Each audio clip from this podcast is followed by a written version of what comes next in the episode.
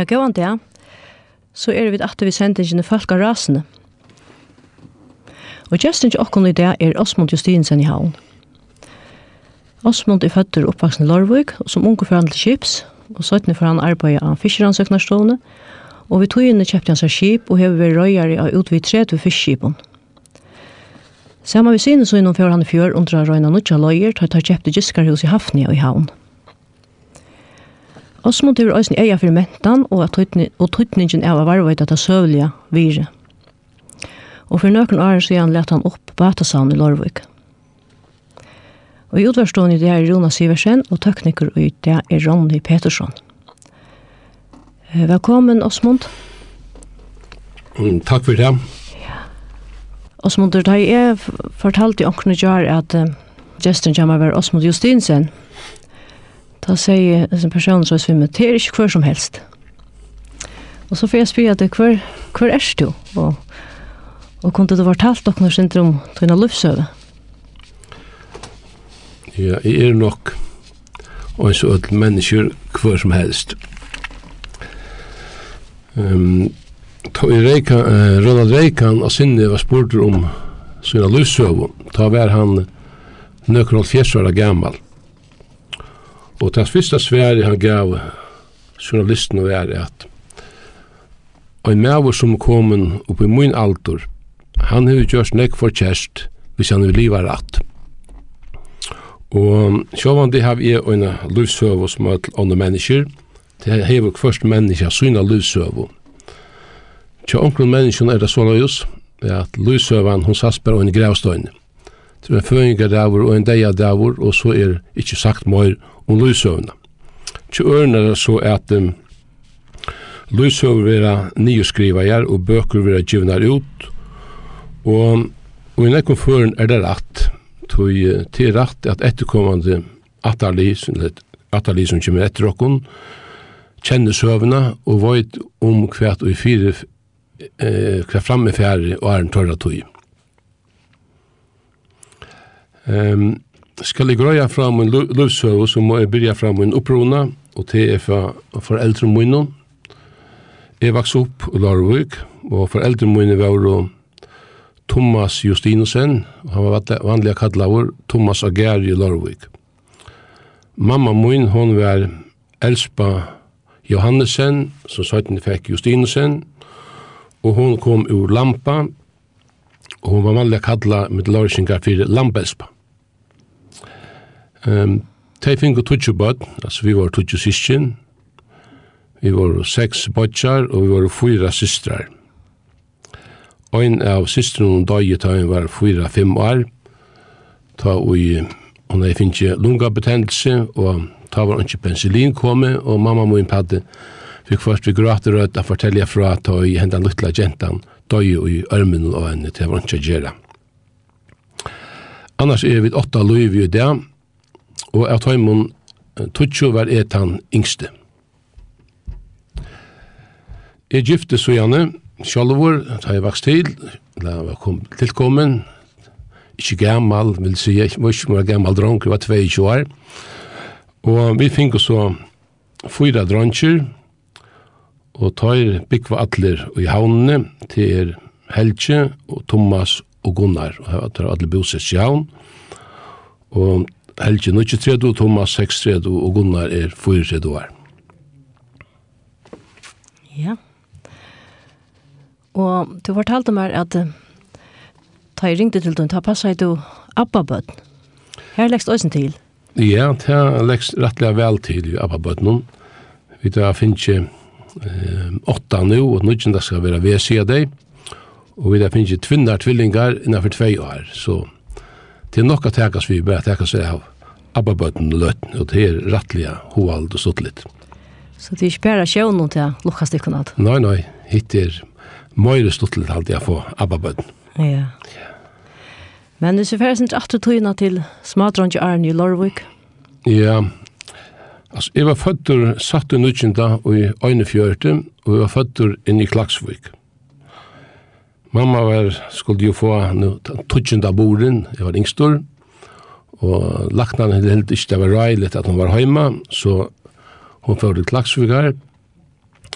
Hun får motsatt klaksing, og klakskingar var flytjar, det var flytjar i Lorvikar vekna til at det var bombasnek i Klaksvik, så det bo, bo i Ørnkvarn hus i Lorvik, men mamma hun måtte fære inn til klaksvigar at litja, da hun skulle få av meg. Og jeg hørte henne mengan fortelja om teatøyene. Det var til togene til å tabla bombene i Klagsvøk. Og jeg har hørt bodjene fortalt meg, eller systrene og øsene, at onken til min mamma la inn i Klagsvøk, og det ble bomba. Ta søv ut av bombene fra Lorvik. Flik var en bomba, og så høyt at det søv bombene fra Lorvik. Så dette var en buldrotter heimer jeg ble født i, og i 1941, ta i føringa mistet ikke minnen 6,5 mann menn av sjøvnum til året. Um, hun la seg sjuk hos noen i nekla dager, og jeg la i øysene, sjølvande. Og hun fortalte ofte fra at, um, eller fortalte meg ofte at, at uh, en tverfyrna var det så at hun måtte fære ned i bombeskulde av sjukhusen, men til øyne fyrna, ta var det så knapt at hun klarer ikke å teka med vi. Så øyne som, som lå etter oppi av stoven og i um, Klaks vi ta, ta var e og en annar dronkur, öll ånder var færen i bombeskuilene, og vi lau etter. Sjåan av gavun grunden minnest e anki til det. Så kom tøyen hver og vi skulle fære atter til Lorvikar. Og vi hugsi om nu er streik i dag, og batan er trafikera tvers om Lorviksfjør, så han ikke var i jar. Ta hun skulle fære atter til Lorvikar vi mer, og 1941 Da var det så løyes at hun skulle gjøre om ved en seksmannaffær. Og hun forteller særlig om en kvinne da hun kalles for Maria Kja Konrad. Hun tåser om hvordan fitt og gav i hendan kona vær. Og hun sier at da Maria hørte at hon skulle fære gjøre om til Larvik hentan dagen, fruske vinter og utneringe sorgen Larvikjør, Da sier Maria at nå må jeg hjem og få at her en utlente underklokko eller under trotju i det. Tog hun helt at mamma blei så kald at for at først om lorgsfjør vi mer i fauninsjonen. Og pappa var kommet inn etter mer, og det var vi en seksmann affære, og her var ungen redningsbåter ombord, og her var ungen redningsbelte.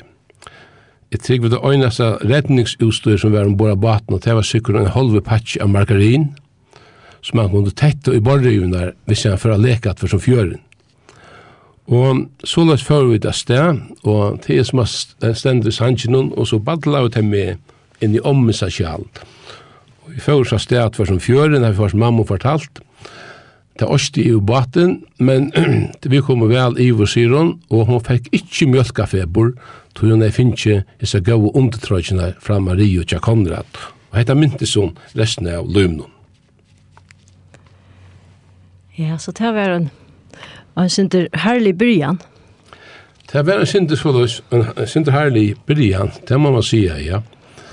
Men så løs var det vilkårene ta Det var ikke kjipe etter litt. Det var ikke kjipe etter litt, nei, og jeg var ikke noe jeg kan jeg heldur ta. nei. Så jeg vokste opp i Larvøk, og det var jeg vil si, en, en, en rettelig større forratter skulle vekse opp ved Åresfjør. Tog det var en fjør som var, og er, ganske selja ta, tog ta, og var alt nere i fjøren, at det var overrørst nesten. Flesen hun la her, og her var sånn loiv, så det var en, en større forratter å slippe vekse opp i Larvik. Og som alle dronjer, så levde vi fyrir det mesta nere i fjøren. Foreldrene som jeg var såleis at jeg var rettelig avgjøvn, av lint. Mamma min, hun var en stillfør kvinna. Hun sier ikke negv, men hei gott skil av öllum som hun sier og öllum som hun gjørt. Papi var meira utadventur, staurur og sterskur utrøra maur, som er godt skil for utrøver, og han fikk oss ned vi utrøver. Mamma hon kom ur lampa som jeg fortalte fra, hon kom av fløten hun i lampa, og hon hei møyre fasta linjer enn pap. Hon hei veri arbeidskjenta um, til største bøndan nere hus i lampa, i bønesmørsk, Her hver siste henne så giftist og blei bøndakonna. Her var mamma i nokre år som arbeidskjent. Og her var det strengt oppdryen, til som kom arbeid her. Men her var oppdryen vi, vi, vi størsta karløyga. Hun sier at bønden han hei morgonbøn og kvöldandakt vi öllum sin arbeidsfolks kvöndag. Sånne for mamma til, til um, havnar at hana og Hon og William var jo født samme år i 1900, så hun tante ikke Heinsen, så hun visste forskjellig at fortelle om William til årene hun var her sore. Og hun tog seg øyne om hvordan fitt ut av falskene var, Heinesens falskene, og hun tog seg ofte om ommene som var her i husen, hvordan gav hun var vidt her, vidt her arbeidskjentene. Sånn så kom uh, for mamma min til Larvikar at uh, arbeida til Larviksjøvannes i handelen her. Og her var det mamma og pappa lykka som blir for, jeg vet ikke, forlova i ordentlig, men det var så mestlig hvordan man så på livet da. Vi får forhold til det. Onkel sagt at pappa blei for elskaver til han sa mamma og norske orska at kasta inn hundra på smjølsek og panikken av seg og bæ henne på loft. Ta helt han. Hetta var en kona som han skulle få av seg ta blei så forelsket seg, og ta gifte så i Larvik. Og stående og heime som vi tog sikkene levde i. Um, det var ikke, det var rettelig løyti og interessera i, jeg vet ikke skal jeg si etter år, um, jo, interessera i, i, i til Vestlige, det vil jeg si.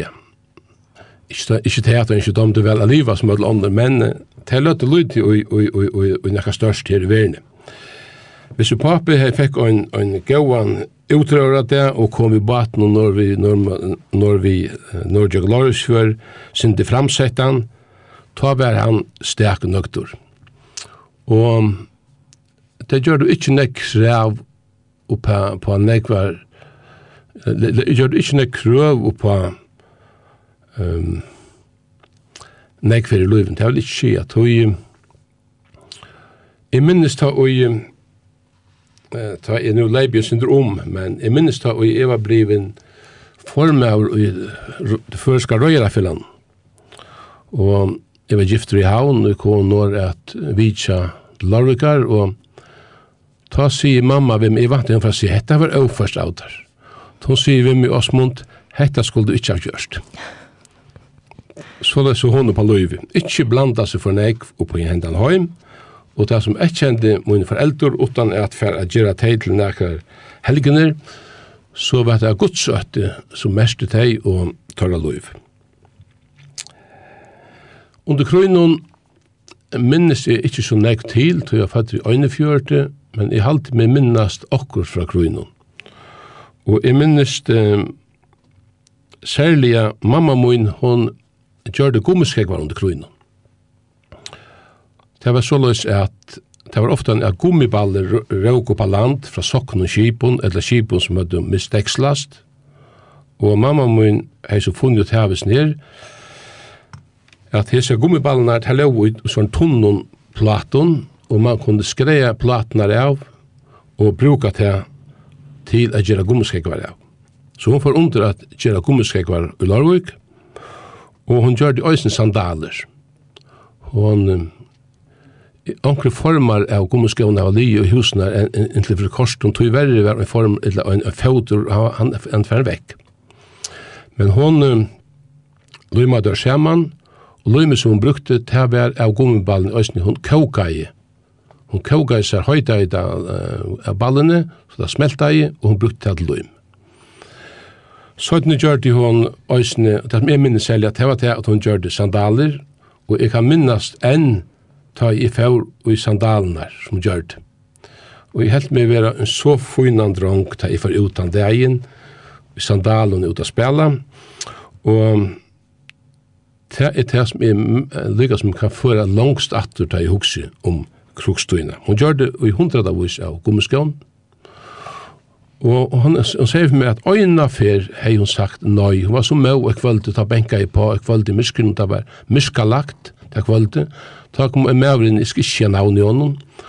Og hun sa ikke, det var så myst, hun sa ikke hvor mævren var, han kom i gongina, og spurte henne om hun kunne gjøre seg, gjøre seg et per av gummiskaun.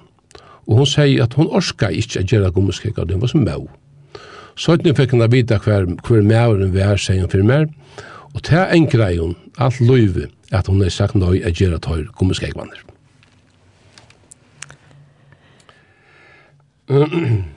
Og så skulle vi få høre en sang først nå?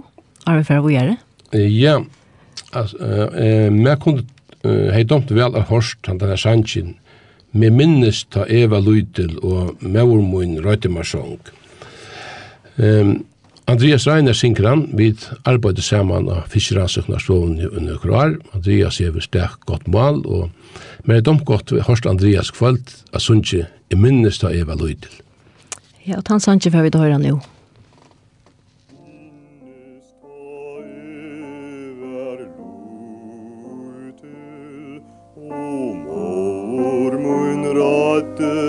Er så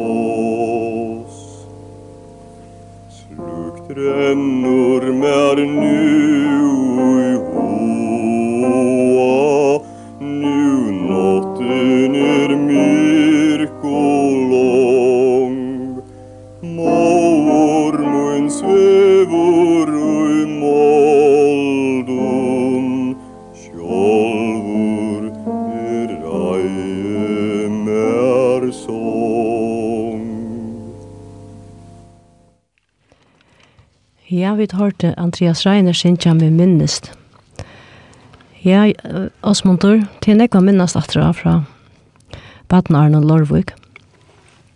Ja, til nekv, og som jeg sier, livsøvann kja menneskene, så hun er, som er livet av tog, hun er så lang, og skal man fortelle alt, så er nesten ikke endt jo alt, så vi må lepa nekv om.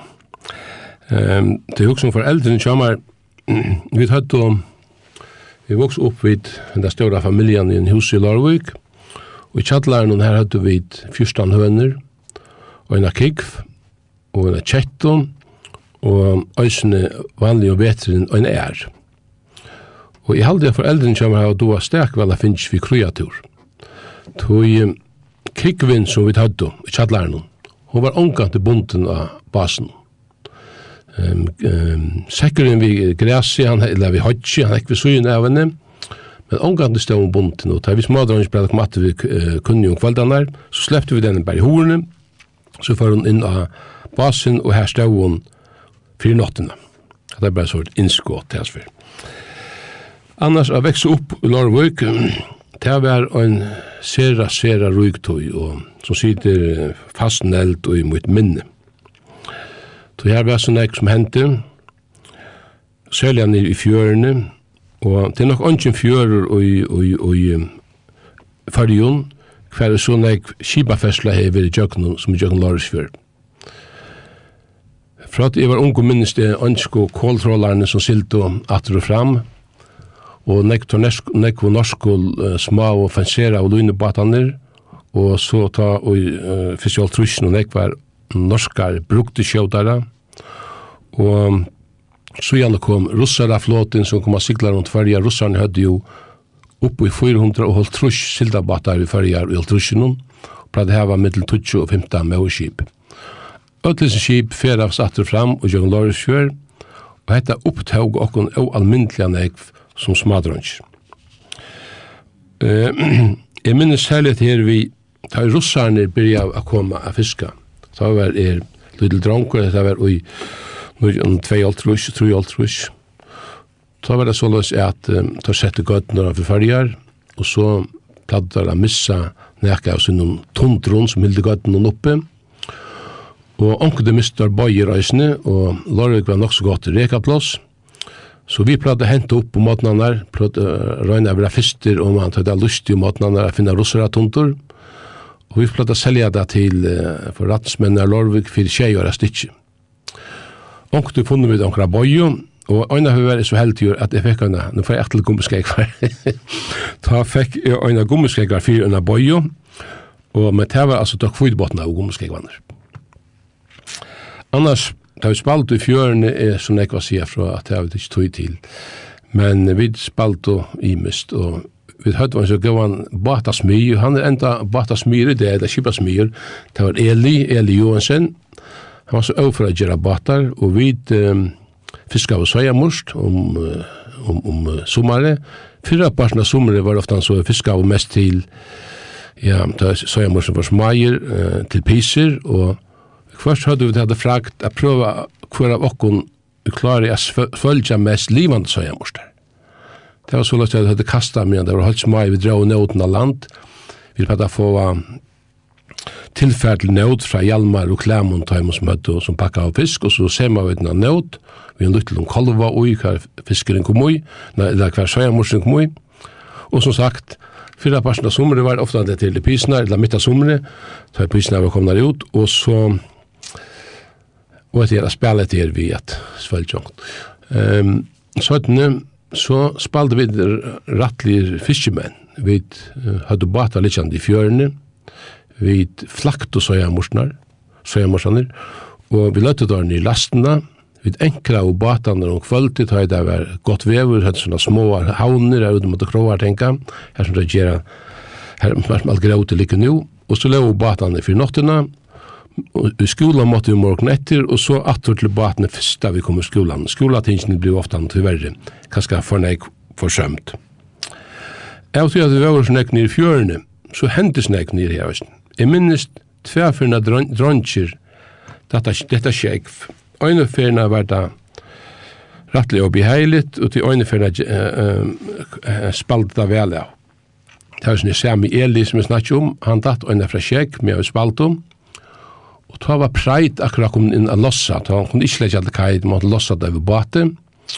Og Eli dette kjekk, vi silte inn i Johans abrik vi kallar av, og vi klarar ikke å få han opp. Vi røpte neier opp etter tøymon som lossa av, og ta kom rekvandi inn fra preit, og fingo tidsjan opp, ta var han mest som drukna av. Han er mist vidt i alt. Og ta tåg han opp, og løtte han til som betsjen, og jeg minnes han spoi. Vi var så glad til at finnes han opp. Og Så får han øyne med og bærer han ut til mam mamma hans herre, til jeg var vater og kalter og ytla fire, og jeg fyllde vi ut, det er jo Eli bo uh, søgne akkur øren, og ta minnes Eli sier vi enn den her, vi mamma sønne mamma, gå og djevn og øyne kroner for henne bjergammer. så at det var det ikke så godt. Ta var det en annan dronker, vi var jo gamler, sjøvd ofte sammen i skolen, og Vi kom ur skola, og vi gjør det av at vi skulle færa, da vi kom ur skolan, så skulle vi færa sikla ned i fjørene som alltid. Jeg kom ut til okkara, da sier mamma vi med Osmund, papi var borster, nu måste vi færa Åman og i Matti Hjalmar, at kjøpe noen kålsekk.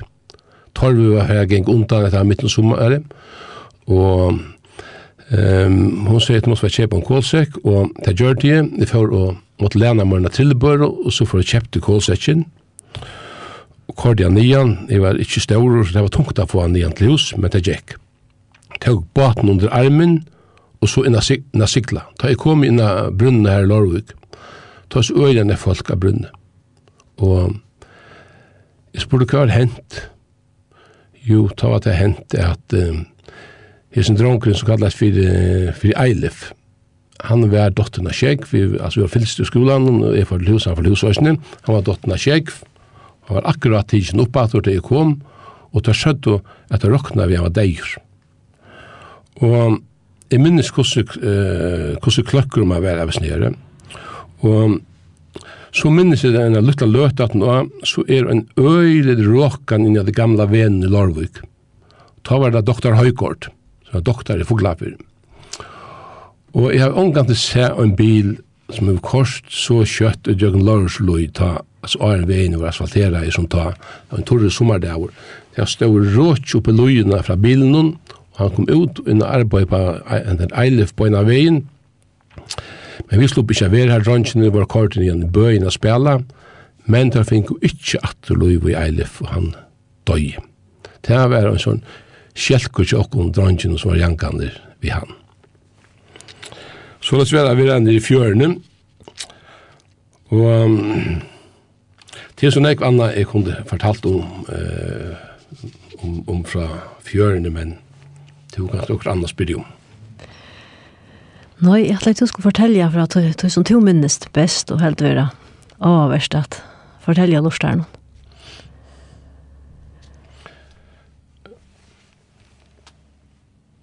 Alltså jag kan eh, som huxar om om det här det spela så så han det vara värda som kör öllum öron smadranchen öron bigt om isen det var sån där andra vi spalt var isen om kvaldanar vi kvarst var isen krutch i mitten eh, boilingarna det är ju rättliga känt det kände isen ända för dranchen som är det var krutch i hotna bög först då blev på fralsen Og vi var ångt i krutjøsene, jeg vil prate krutjøsmelt. Vi bor ut av Gjære, og er dronje bo av Bakkanen, og er bo inn i Toftanis. Og en av affir minnes jeg at vi var kommet i krutj ved Toftanis dronje. Det har blivit sånn herligt, altså. Vi var ferdig med fjørene, og hadde lykket som våpen noen som lenge og gjeirinn som man finner. Fann i fjørene da, og skåla på land. Og jeg var ikke, vi hadde finnet i ivelov av Toftanis dronje, vi hadde finnet der holdt inn av Toftanis og vi hadde finnst der nian møter en husen. Knappelig at ta Jack Vindai og en husgjerris, vi kjenner av nye månen, Jack Vindai og ta råpar en papi ut av vindan, og ikke skal jeg si at jeg at jeg er patroner. Og vi rundt oss det, til hus til han sier han åtte patroner. Annars, mm, ikke var det forskjellig å fortelle fra skolatøyene, fra det man tjekker skolan, Jeg var, gjort alt for lite ved mine skolating, tog jeg verre. Jeg var sånn opptidsen av, av spille, at jeg, jeg glemte alltid mine skolating. Vi hadde om två lærere som var sera gauer. Det var han som vi kallar for Peter-læreren, Peter Mikkelsen, slektar og Gøto. Så hadde vi Ditlev Olsen, slekt av uh, Funnitj. Det var lærere som er alle mine badendom, og det var sera gauer lærere. Peter læraren var sera gaur i rokning og i føreskund borser av gaur og dittlig var en, en yngre lærare som ko, ko, akkurat kom til jeg før jeg gikk skola og var en møyran nødtøymas lærare et, etter tatøyne og det som jeg minnes nok så særlig det første dittlig kom. Det var hette at Da jeg husker om tøyina nu, jeg ble sier vi Abbasson som var lyttel oss mot han, lykka som leter etter penalar hos jo opp og ta dette en 20 bøyant der båre. Til øvelsen til Abbe var lyttel. Da jeg er på læreren til lærere, da var det så løs at han spuska i bløyanten stort. Altså åtte og en bløyant. Og han brukte ikke bløyant spuskare. Da vi har brukt bløyant spuskare, så blei bløyanteren for avdrekk for. Og han spuska i blujantin ekvilja stort fyrir at uh, han skulle være drikkvare.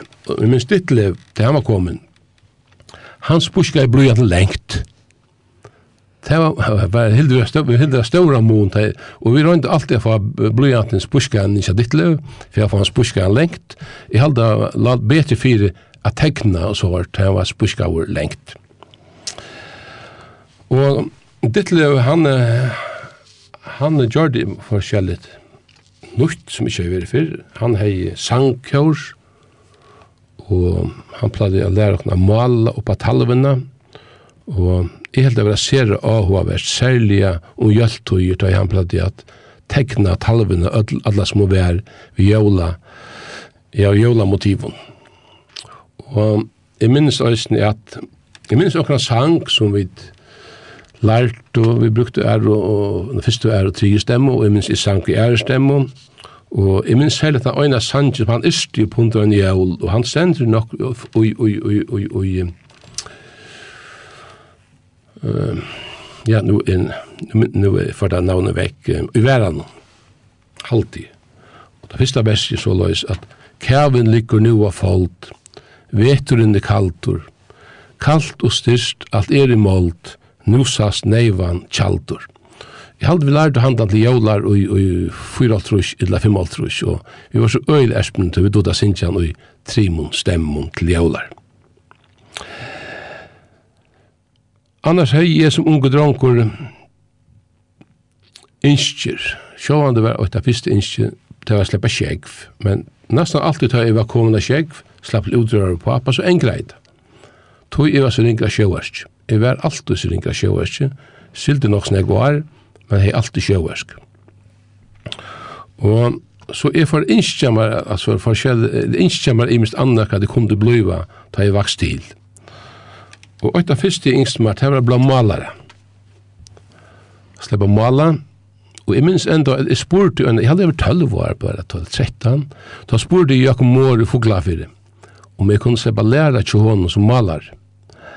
Han sier, nei, tog verre at det var ikke til, han tog ikke lærningar, og det var ikke nekka gjerra.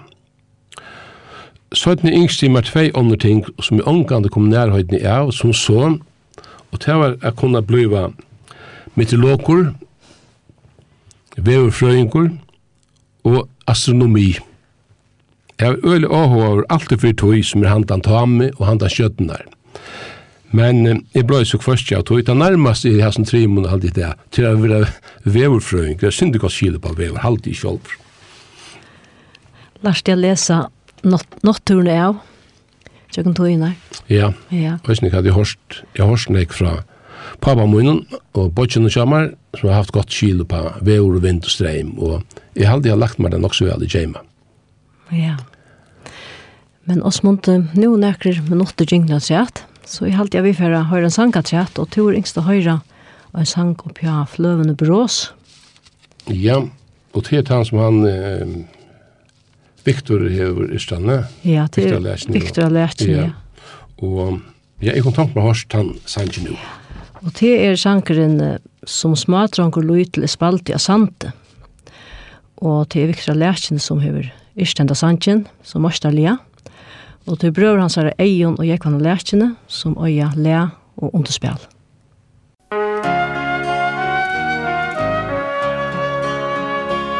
Som smadrongur lujtele rann her av sande Og nu medlom piltarna rator stande Framfyre med renna og at minnene kær Esuci aldun i renna. Så halda tar undan tayrundan ui hulunun kjenna.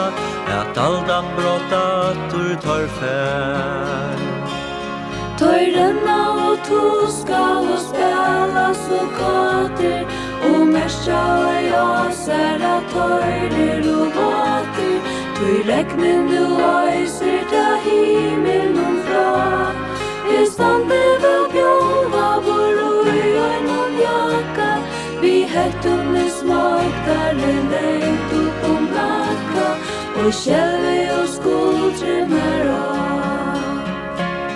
Kom her to mun lutle Han kjemur vi skunde. Grått fra mer om slektina kanska tu kunde. Så pilsen han hegur og i anlide mor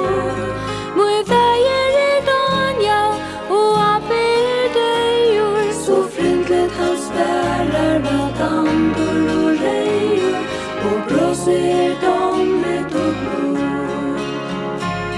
Jeg kjente tyn appa her mengan vid spalto vid runno av sande Og man mot alto Min lutle hans sender Og lojor väl Nu er det gammal men vel enn är minnist Ta vid vår og smager Nu flokkurin tinnist Tau alt er ta sama som ta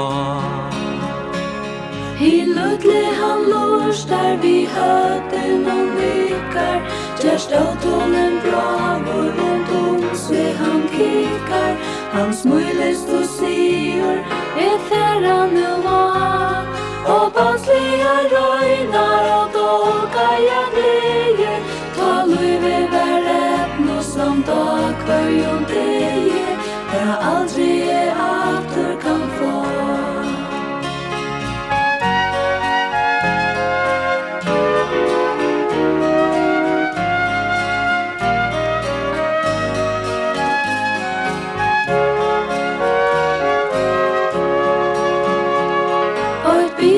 Stande og hete om sanden Og i brøsten man kjensler som branden. Og aldor nær tävla vi særskilt om björn Her bildar ni rønna så kater og spela Tandvinden är rävi och mavi med täla Tandtujen vær stod ja så god Til husen og radjes så tungur av foten. Som tujen hon rävi som vinduren sjåte Og brått da kvalde må sia farvel. Men ljøse og sanden og strånden og kjelto Her gleden er av i som her vid av kjelto Der sjåne kjøtt så tja nu skal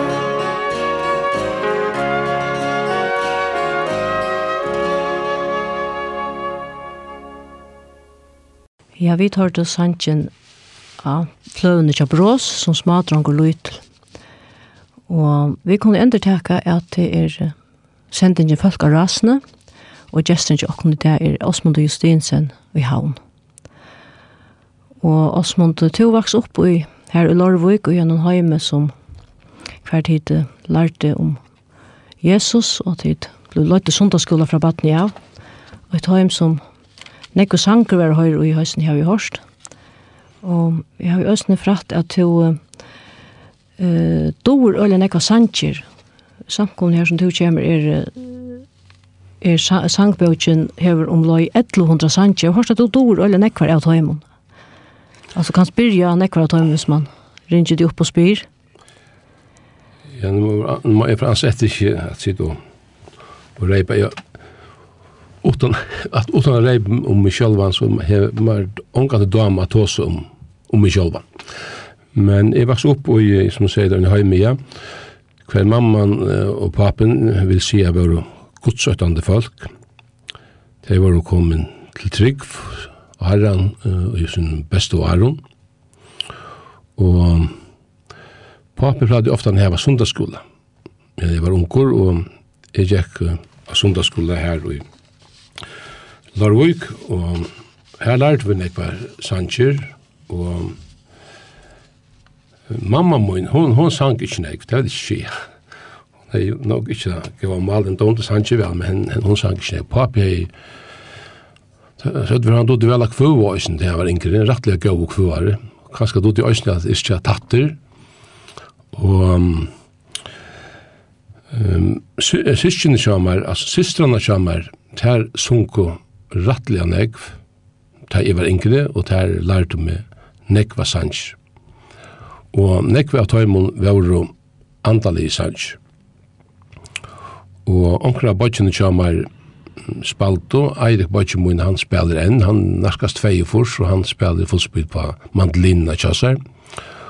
Og onkra andre bøtjene dutti hei òsne um, hekni til a spille på um, harmoniko, Men det var så løst i tøyen at uh, det var en helt øyresin tog, og så skal man slett ikke døma, man skal ikke døma det ut fra tog som tøyen var tøy, og var øyresin.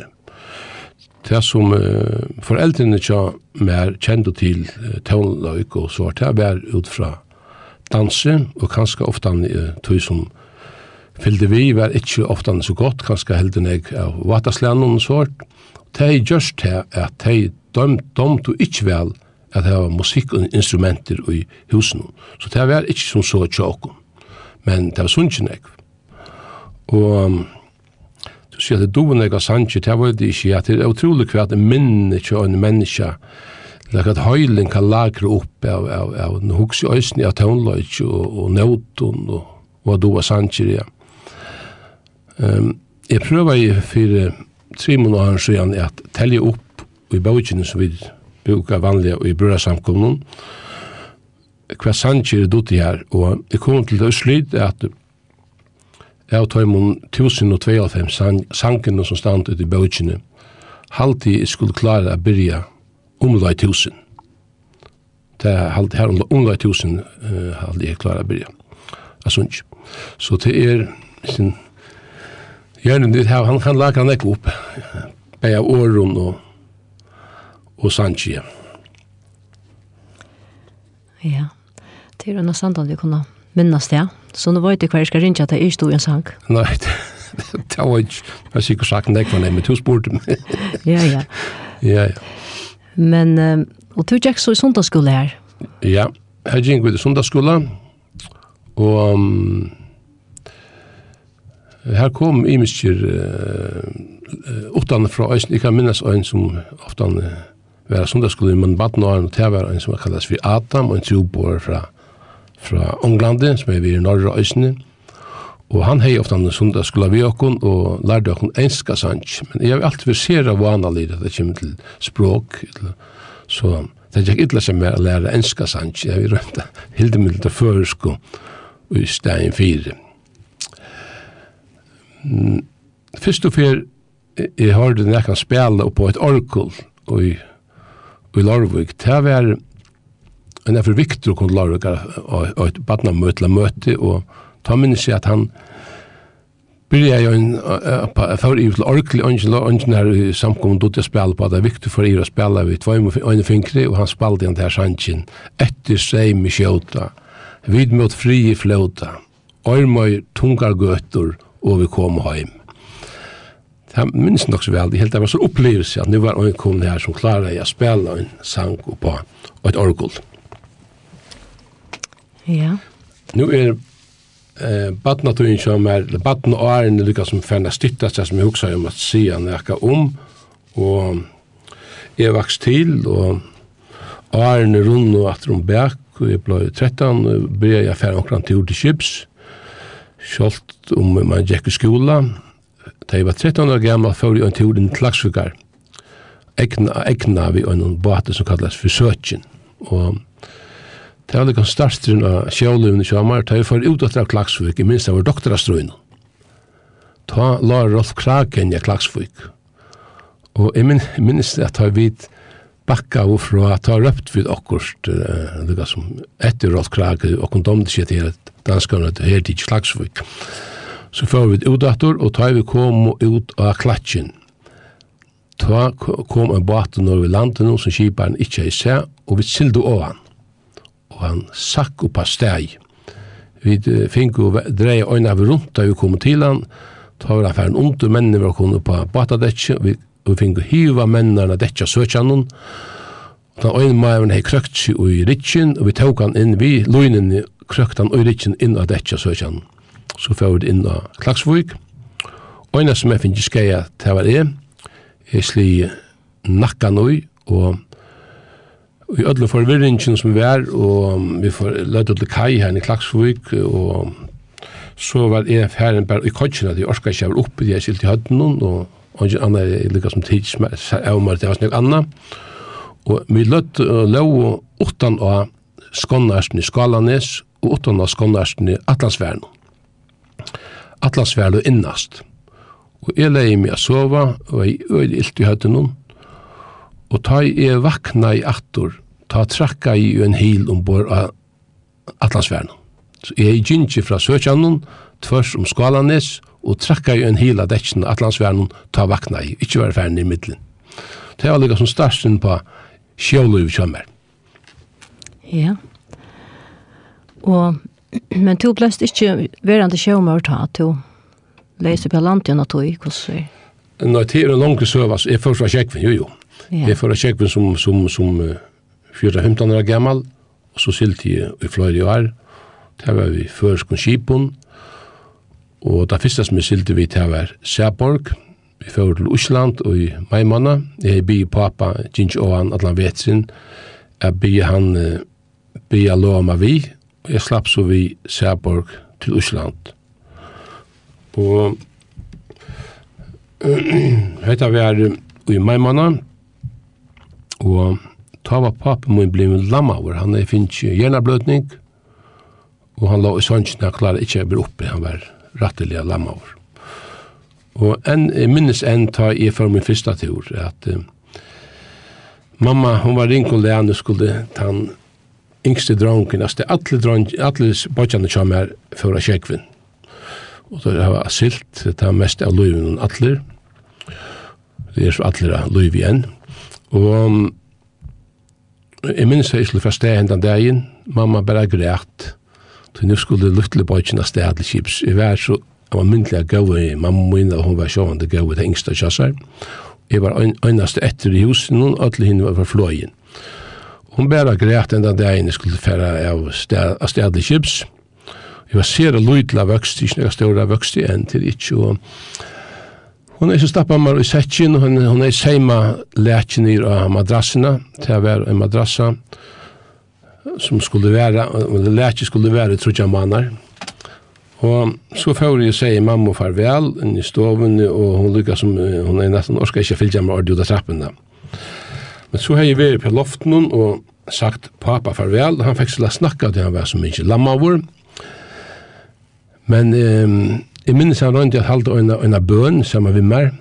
Jeg fikk ikke nekke vik enn det som man sier, men så rundt han å si åtte vimme. Jeg var så løydel. Ta jeg Arne fra Uda Kvisten og sier han vimme at minst til åtte. At ta du hala vatten.